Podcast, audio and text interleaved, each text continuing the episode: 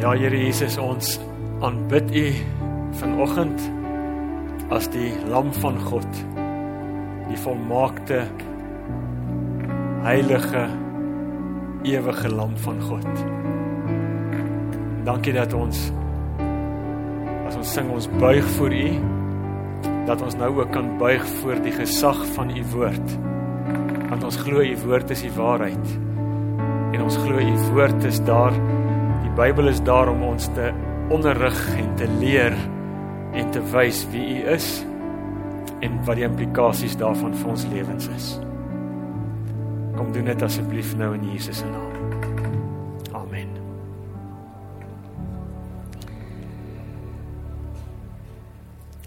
Julle het gehoor net nou het ons gesê, julle weet dit al baie dat ons vandag pas met Palm Sondag skop ons ons heilige week af. En nou sou van julle al agtergekom het of gehoor het dat die tema wat wat ons gekies het vir hierdie heilige week is die naam bo alle name. En nou hier's net so uh die Engelse praat van 'n spoiler alert. Dis eintlik Vrydag se boodskap, maar die naam bo alle name is nie Jesus nie. Die naam bo alle name sê Filippense 2 daarby vers 9 staan daar en God het vir Jesus 'n naam gegee bo alle name.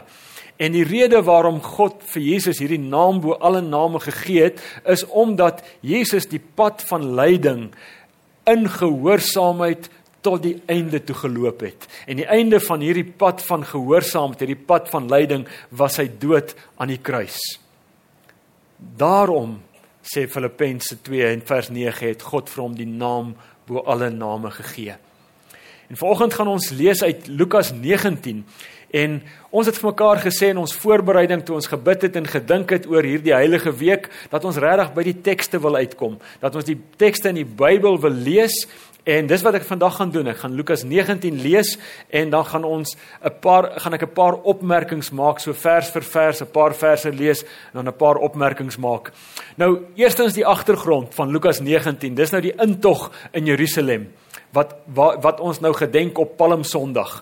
Nou, wanneer hierdie gedeelte plaasvind, is dit tydens die Joodse Paasfees. Nou dit was die fees van alle feeste vir die Jode gewees. Nou in tydens hierdie fees sê hulle het die inwonertal van Jerusalem letterlik meer as verdubbel. Daar was in daai jare sê die slim ouens so 50000 inwoners in Jerusalem gewees en op Paasfees tydens die Paasfees het dit verdubbel en was daar meer as 100000 mense in Jerusalem gewees byna verdubbel of meer as verdubbel. Dis amper so stil baie in Desember. Ek weet nie of wie van julle dit al gesien het nie, né? Dis daar's nie plek om te loop nie. Daar's nie plek vir 'n muis nie. Dis 'n ge, gejaag en 'n gestou staanery. Dis Jerusalem uh tydens die Joodse Paasfees. En hierdie fees was so groot geweest want dit was die feesviering van die uittog uit Egipte uit waar die volk van die Here in slawerny was, het die Here hulle met op 'n wonderbaarlike manier daar uitgelei. En daarom het hulle tydens die Paasfees het elke huishouding 'n lammetjie gebring wat geslag is en wat geoffer is. En hierdie offer van die lammetjie was natuurlik 'n feesviering en 'n herinnering aan die uittog uit Egipte uit, maar dit was ook 'n offer vir die sondes van die volk. So hierdie huishouding het hierdie lammetjie gebring en dan sy geoffer eintlik het hy gesterf in hulle plek uh, as huisgesin. So dis dis dis wat hier besig is om te gebeur in Jerusalem wanneer hierdie gebeurtenis plaasvind. En dan lees ons Lukas 19 vers 28. Nadat Jesus hierdie dinge gesê het, het hy voor hulle uitgeloop op pad na Jerusalem toe. En dit is so belangrik hierdie sin want dit sê vir ons Jesus was 'n man op 'n missie. Hy was doelgerig op pad Jerusalem toe. Terwyl hy baie deeglik bewus was daarvan, hy het dit al gedeel met sy disippels, baie deeglik bewus was daarvan waarheen hy gaan. Hy gaan Jerusalem toe nie om enigiets anders daar te gaan doen as om sy lewe aan die kruis te gaan aflê nie. Hy's op pad doelgerig vasberade op pad kruis toe waar hy sy lewe gaan aflê. Vers 29 Toe hy naby Betfage en Betanië kom, teen die Olyfberg stuur hy twee van sy disippels vooruit met die opdrag. Stop net eers daar, want hierdie woord moet ons nie mis wat hier staan nie, hierdie benaming Olyfberg. As as die Jode hierdie gelees het van die Olyfberg en hierdie verhaal sou gelees het, sou hulle onmiddellik onthou het wat daar staan in Sagaria 14 vers 4. Sagaria 14 vers 4 sê op die dag van oorwinning, as dan op daardie dag sal God staan met sy voete op die Olyfberg en hy sal die oorwinning laat aanbreek in Jerusalem. So hier moet ons baie mooi hoor waar waarheen Jesus op pad is. Hy hy staan op die Olyfberg en hy skrywer vir ons wil vir ons daarmee sê Jesus is op pad om sy lewe af te gaan lê aan die kruis op Jerusalem in in Jerusalem. Maar moenie dink moenie vir 'n oomblik dink dat sy sending daarom in 'n mislukking eindig nie Hy's op pad om sy lewe aan die kruis te gaan aflê, maar dis die oorwinning van alle oorwinnings. Hy's op pad om te gaan oorwinning behaal op 'n manier wat jy nie gedink het gaan gebeur nie, maar hy's op pad. Hierdie hierdie verhaal eindig nie in mislukking deur die dood nie, maar dit eindig in oorwinning want aan die kruis word die oorwinning behaal. Dan lees ons verder vers 30. Hy het nou die twee uit vooruitgestuur met die opdrag En die opdrag is: gaan na die dorpie toe daar reg voor julle en net soos julle inkom, sal julle daar 'n jong donkie kry wat vasgemaak staan. Geen mens het nog ooit op hom gery nie. Maak hom los en bring hom hier. Wat ons moet raak sien hier is is net ek dink julle sal dit weet, ek dink julle ek weet julle weet dit dat in hierdie tyd as daar oorlog gevoer is, dan was 'n perd 'n baie belangrike instrument in die oorlog. 'n Perd was is gesien as 'n oorlogsdier, want 'n perd intimideer. Die polisie nou nog as hulle op dit kan bly, gebruik baie keer perde om skare te beheer. Net, dit so dis 'n dis 'n intimiderende dier. Ek bedoel selfs al maak doen ek nie verkeerd nie en 'n perd kyk so op my af, voel ek geïntimideer. So dis hierdie dis hierdie oorlogsdier waarop generaals gery het, waarop konings, magtige konings gery het, maar dan kom die prins van vrede, die vredevors waarvan Jesaja praat, kom ingery in Jerusalem in op 'n donkie. Die vredesvors kom op 'n vredesdier in die stad van vrede in. Want dis die naam van Jerusalem, die betekenis van die naam, die stad van vrede. Hier moet ons al klaar weer 'n leidraad kry oor wie hierdie Jesus is. Die prins van vrede kom om oorwinning te behaal. Maar hy kom op 'n vredesdier. Kom uit die stad in. As nog 'n terloopse opmerking, maar dit is eintlik baie belangrik as jy dit raak sien. En dit is, daar staan duidelik hier in Lukas dat hierdie donkie is 'n donkie vul. En niemand het nog ooit op hierdie donkie vul gery nie. Nou die die woord wat 'n mens daarvoor gebruik, ek was nog ek is nie het nie op die plaas groot geword nie, as julle dit nog nie agtergekom het nie, maar die woord wat jy daarvoor gebruik is hierdie donkie is nog nie ingebreek nie. En nou het my oupa vir my gesê, ek gaan nou nie daai woord gebruik nie. Hy het gesê donkie is 'n uh is 'n blikskorrel. 'n uh, 'n donkie is 'n steekse ding. En nou het jy nog hier 'n het jy nog hier 'n donkie wat nog nooit ingebreek is nie. Maar dan klim Jesus op hierdie oningebreekte donkie. En in 'n skare waar die mense raas en skreeu en te kere gaan en waar dit bedrywig en besig is, ry hy rustig op die rug van 'n donkie wat nog nooit ingebreek is nie. En dan dink ek dan dink ek aan die een wat op die donkie sit. Is die een wat op 'n stadium in 'n storm toe die disippels gevrees het hulle gaan vergaan, het hy gestaan op die boot en hy het met met sy woorde die natuur beheer. Die storm stil gemaak. En hierin moet ons iets sien van die mag en gesag van Jesus. Ook die feit dat hy sê as hulle vra hoekom vat julle ons donkie, sê net die Here het ons nodig So die een wat die een wat op pad is Jerusalem toe, die een wat op pad is kruis toe, doelgerig, die een wat op pad is op 'n vredesdier om sy lewe te gaan aflê, is die een wat die mag het om sy lewe af te lê. Hy is die oorwinnaar want hy het ook die mag. En nou kyk ons vorentoe na Sondag toe, hy het ook die mag om sy lewe weer op te neem. Dis die Jesus wat ons hier sien as hy inkom. En dan is dit by vers 32 31. Daar staan hierdie woord daar staan en as iemand vir julle vra, "Waarom maak julle los?" moet julle antwoord die Here het hom nodig. Die twee wat gestuur is, gaan toe en kry alles soos hy vir hulle gesê het. Terwyl hulle die donkie losmaak, vra sy eienaars vir hulle. Ek dink is 'n billike vraag. Hoekom vat julle ons donkie? Waarom maak julle die donkie los? Hulle antwoord: "Die Here het hom nodig." Toe bring hulle die donkie na Jesus toe. Daarna gooi hulle van hulle klere op sy rug en help Jesus opklim. En terwyl hulle terwyl hy aanry, het hulle van hulle klere op die pad oopgegooi. En toe hy naby die stad kom, teen die afdraande van die Olyfberg, het die hele skare juigende volgelinge God uit volle bors begin prys oor al die wonderwerke wat hulle gesien het. Hulle het gesing Loof die koning, hy wat in die naam van die Here kom.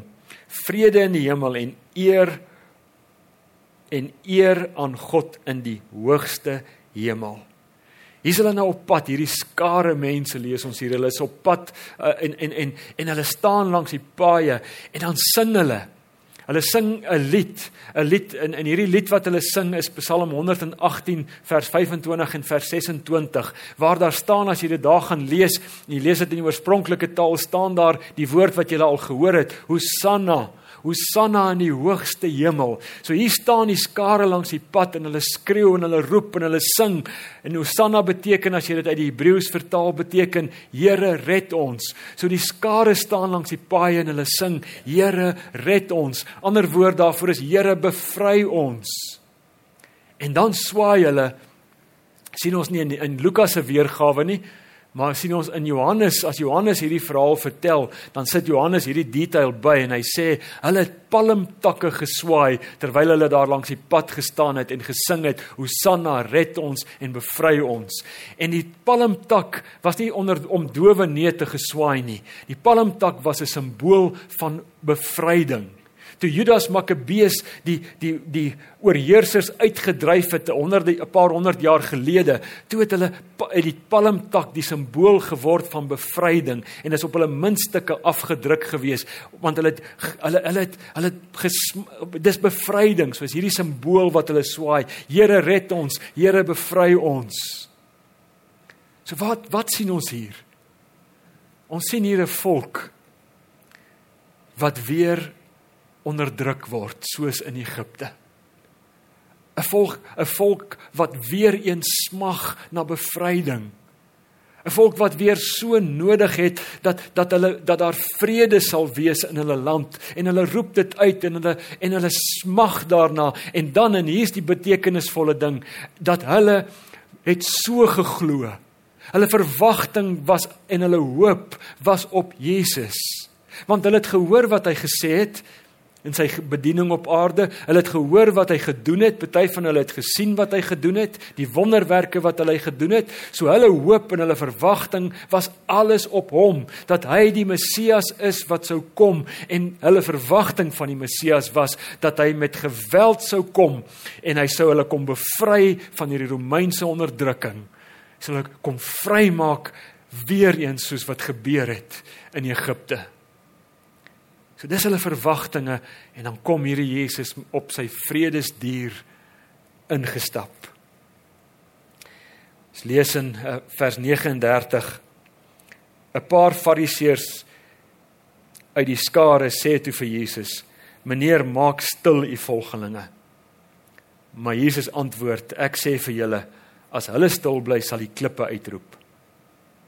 Toe hy nog nader kom, en die stad daar voor hom sien, het hy daaroor gehuil en gesê: As jy vandag tog wou insien wat vir jou vrede nodig is, maar nou is jy blind daarvoor.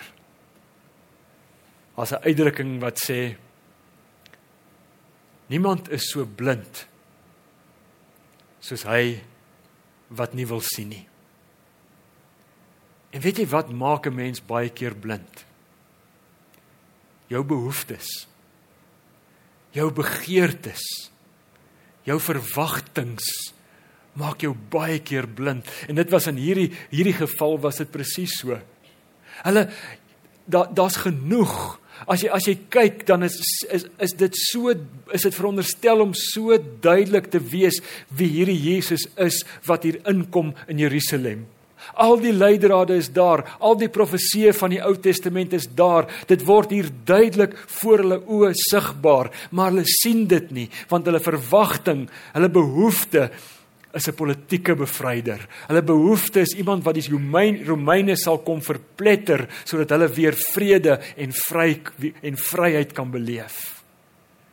En dis waarom toe hulle verwagtinge teleurgestel word, dis waarom hulle binne dae vir binne dae verander die hande wat palmtakke swaai in vuiste wat gebal word. Binne dae verander die uitroepe van Hosanna in uitroepe van kruisig hom, kruisig hom.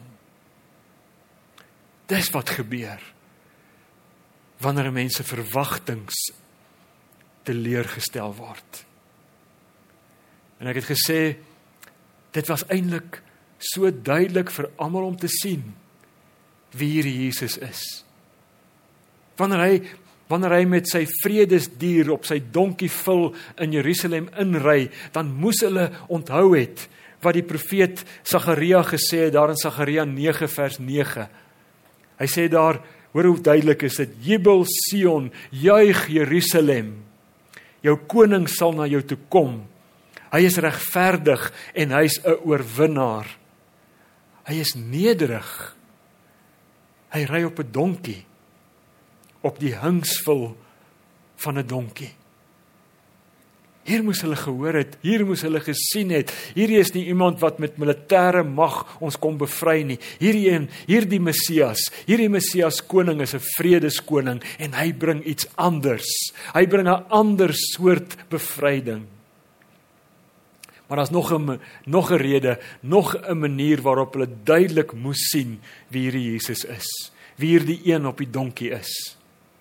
En dit dit het te maak met die Paasfeesviering wat hier nou voorberei word voor. Leonard Sweet het hierdie ding baie mooi verduidelik een keer. Hy sê ek het dit nou al gesê dat tydens die Paasfees is daar lammetjies geoffer vir die sonde van 'n huishouding. En hierdie lammetjies kon nie enige lammie, lammetjie wees nie. Dit moes 'n lam sonder gebrek wees. En dit moes 'n lam wees wat goedgekeur is, uitgesoek en goedgekeur is deur die priesters. So wat gebeur het is 'n paar dae voor Paasfees. As die priesters na Bethlehem toe nie ver van Bethlehem Jerusalem is nie ver van Bethlehem af nie. So die priesters is almal Bethlehem toe. En Bethlehem was die plek waar daar geboer is met skape.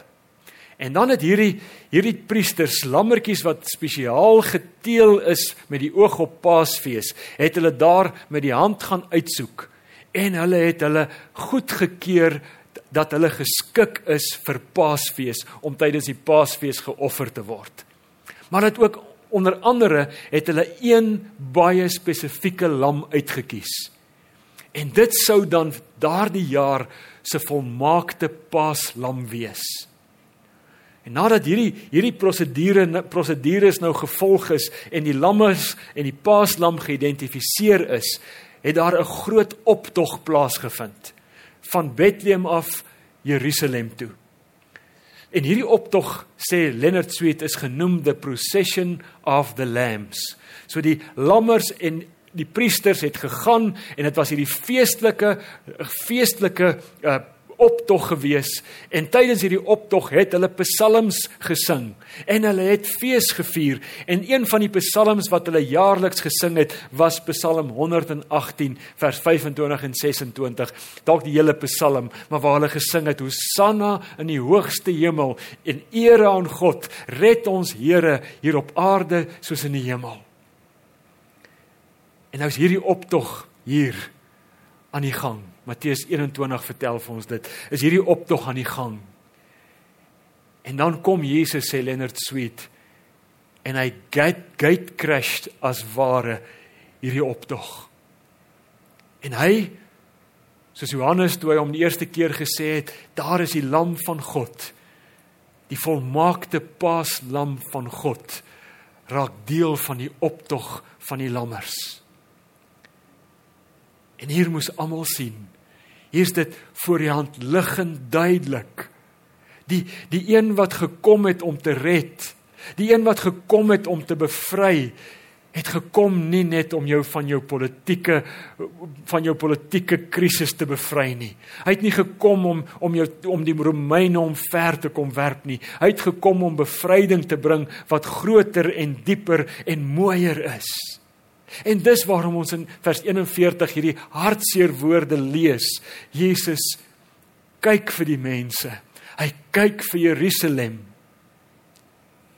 En dan huil hy. En hy huil.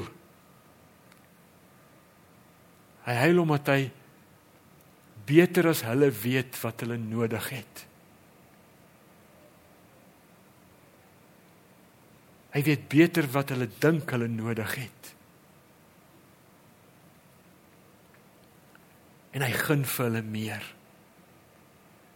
Hulle smag na politieke bevryding en hulle dink as dit werk, as dit kan gebeur, gaan alles reg wees. Hulle smag na vrede in hulle stad en in hulle land.